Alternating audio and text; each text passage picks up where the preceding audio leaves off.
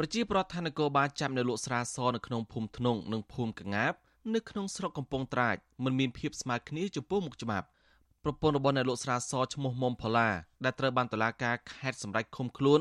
កាលពីថ្ងៃទី28ខែសុភាគឺលោកស្រីណប់ណាស៊ីប្រាប់អាស៊ីសេរីថានៅលក់ស្រាសនៅក្នុងភូមិមានច្រើនតូបតែនគរបាលចាប់ខ្លួនតែប្តីរបស់លោកស្រីតែម្នាក់លោកស្រីបញ្ជាក់ថាប្តីលោកស្រីមិនបានដឹងថាស្រានេះមានសារធាតុពុលទេ ហើយក៏មិនបានបន្ថែមសារធាតុអ្វីឲ្យស្រាប្រែជាពុលដែរម្យ៉ាងទៀតលោកស្រីអះអាងថាគ្រួសារលោកស្រីក៏ជាជនរងគ្រោះនៃការពុលស្រាសនេះដែរដោយសារមានឪពុកមានម្នាក់បានពុលស្លាប់ដែរលោកស្រីនប់ណាស៊ីទាមទារឲ្យតុលាការដោះលែងប្តីលោកស្រីមកវិញ។ ពូខ្ញុំគាត់ថាប៉ាខ្ញុំគាត់ដាក់ស្រាពីអ្នកបត់ហ្នឹងទៅរោងបនហើយដល់ពេលហ្នឹងទៅរោងបនអ្នកទៅបនហ្នឹងគាត់ហូបគាត់ហូបគាត់ពលគេសួរអញ្ចឹងថាយើងលក់ស្រាពីណាមកអញ្ចឹងយកពីណាមកអញ្ចឹងហើយដល់ប៉ាខ្ញុំក៏គាត់ថាថាយកស្រាពីទៀតពូសុកហ្នឹងខ្ញុំអ្នកលក់ដែរប៉ុន្តែមានអាចារ្យគេផលិតហ្នឹងមិនមែនតែងតែខ្ញុំទេតែតែងតែអ្នកផ្សេងតែមូលពូសុកដែរហើយខ្ញុំចិត្តតែឆ្ងល់ថាហេតុអីបានជាគេចាត់តែប្រៃខ្ញុំម្នាក់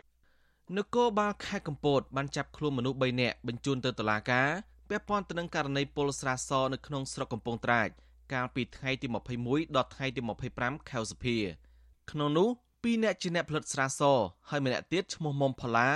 ដែលជាអ្នកលក់ស្រាសត្រូវបានចាប់ខ្លួនក្រោយគេកាលពីថ្ងៃទី25ខែសុភានគរបាលនៅតំណាងអាយកាបានចោទអ្នកទាំង3ពីបទអំពើមិនសុចរិតតាក់ទងនឹងទំនិញសេវាឬក៏ការអះអាងដោយបំភាន់ដោយមានស្ថានទម្ងន់ទោសពាក់ព័ន្ធនឹងរឿងមនុស្សចំនួន10នាក់ពលស្រាស្លាប់ និង37នាក់ផ្សេងទៀតធ្លាក់ខ្លួនឈឺប៉ុន្តែលោកស្រីណប់ណាស៊ីឲ្យដឹងថាក្រោយការសាកសួរចៅក្រមបានដោះលែងមនុស្សម្នាក់ដែលជាកូនប្រុសរបស់អ្នកផលិតស្រាសឲ្យមានសេរីភាពឡើងវិញហើយសម្រេចឃុំខ្លួនតែពីរនាក់តែប៉ុណ្ណោះគឺអ្នកផលិតស្រាសម្នាក់និងប្តីលោកស្រី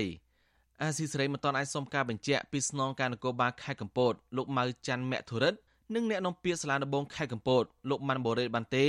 ជុំវិញករណីថាការចាប់ខ្លួននិងការចាប់ប្រកាន់នេះមិនមានភាពស្មើគ្នា ទោះបីជាយ៉ាងណាសាច់ញាតិរបស់អ្នកលក់ស្រាគឺលោកស្រីណប់ណាស៊ីអះអាងបន្តថាគ្រាន់តែក្នុងភូមិធ្នងមួយ មានតូបលក់ស្រាសស្រាថ្នាំ បន្តពីឈ្មោះសុកដែលជាអ្នកផលិតមានចំនួន7កន្លែងអ្នកសម្របសម្រួលអង្គការលីកាដូខេត្តកំពតនិងខេត្តកែបលោកអ៊ុបសវណ្ណចន្ទថនយល់ថាការពុលស្រានេះឯបណ្ដាលមកពីការធ្វើប្រហែសរបស់អ្នកផលិតស្រាសឬការលាយជាតិពុលមេតាណុលច្រើនលើសកម្រិតឯអ្នកលក់ស្រាសបន្តនោះលោកថាពួកគេមិនបានដឹងថាស្រានេះ មានជាតិពុលឬក៏បានលាយសារធាតុបន្ថែមអ្វីឲ្យស្រាសនេះប្រែជាពុលនោះទេលោកស្នើសុំអនុកោបាលនឹងតុលាការស៊ើបអង្កេតករណីនេះឲ្យបានច្បាស់ជៀសវាងការចាប់ប្រកាន់និងការឃុំខ្លួនពលរដ្ឋដែលអយុត្តិធម៌មន្ត្រីសង្គមស៊ីវិលក៏ជំរុញអាជ្ញាធរជំនាញនិងមន្ត្រីមូលដ្ឋានចុះត្រួតពិនិត្យការផលិតស្រាសនៅតាមទីតាំងជាក់ស្ដែងឲ្យបានដិតដល់ដើម្បីធានាថានឹងមិនមានការលួចផលិតស្រាសខុសបច្ចេកទេសទៀតទេ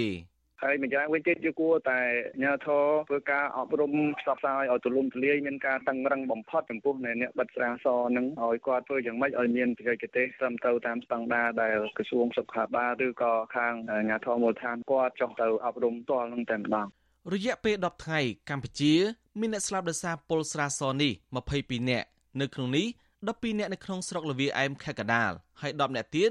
នៅក្នុងស្រុកកំពង់ត្រាចខេត្តកំពត នៅក្នុងករណីទាំងពីរនេះតុលាការខេត្តកណ្ដាលនិងខេត្តកំពតបានចោទប្រកាន់អ្នកជាប់ពាក់ព័ន្ធការផលិតស្រាសលើជាតិមេតាណុលនិងអ្នកលក់បន្តសរុប15នាក់ពីបទអំពើមិនសុចរិតតាក់ទងទៅនឹងទំនិញសេវាឬការអះអាងដោយបំភាន់ដោយមានស្ថានទម្ងន់ទោសនៃច្បាប់ស្តីពីកិច្ចការពារអ្នកប្រើប្រាស់ទោះបីជាណាអង្គការសង្គមស៊ីវិលប្រយោបល់ថាដើម្បីទប់ស្កាត់ករណីពលស្រាសស្រាថ្នាំបន្តទៀត រដ្ឋាភិបាលគួរតែប្រញាប់អនុម័តច្បាប់ស្តីពីការគ្រប់គ្រងគ្រឿងសង្វឹងឲ្យបានលឿនបំផុតជាមួយគ្នានេះពួកគេក៏ស្នើសុំអាជ្ញាធរឲ្យត្រួតពិនិត្យនិងរឹតបន្តឹងការផលិតនិងការលក់ដូរគ្រឿងសង្វឹងនៅតាមមូលដ្ឋានដើម្បីកុំឲ្យមានករណីពលស្រាស្លាប់បែបនេះបន្តទៀតខ្ញុំសនចាររថាវិទ្យុអាស៊ីសេរីរាយការណ៍ពីរដ្ឋធានីវ៉ាស៊ីនតោន